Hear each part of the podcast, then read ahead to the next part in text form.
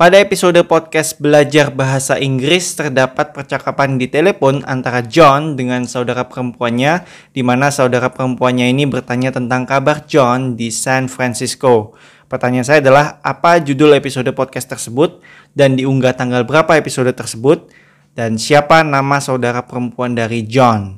Jawabannya adalah pelajaran 17 tanggal 9 Juli 2020 dan Mary. Pemenangnya tidak ada ya. Mungkin hadiah 170 ribu rupiah itu terlalu kecil kali ya. Tapi tidak apa-apa, masih ada kesempatan lagi di kuis Instagram podcast pendek-pendek.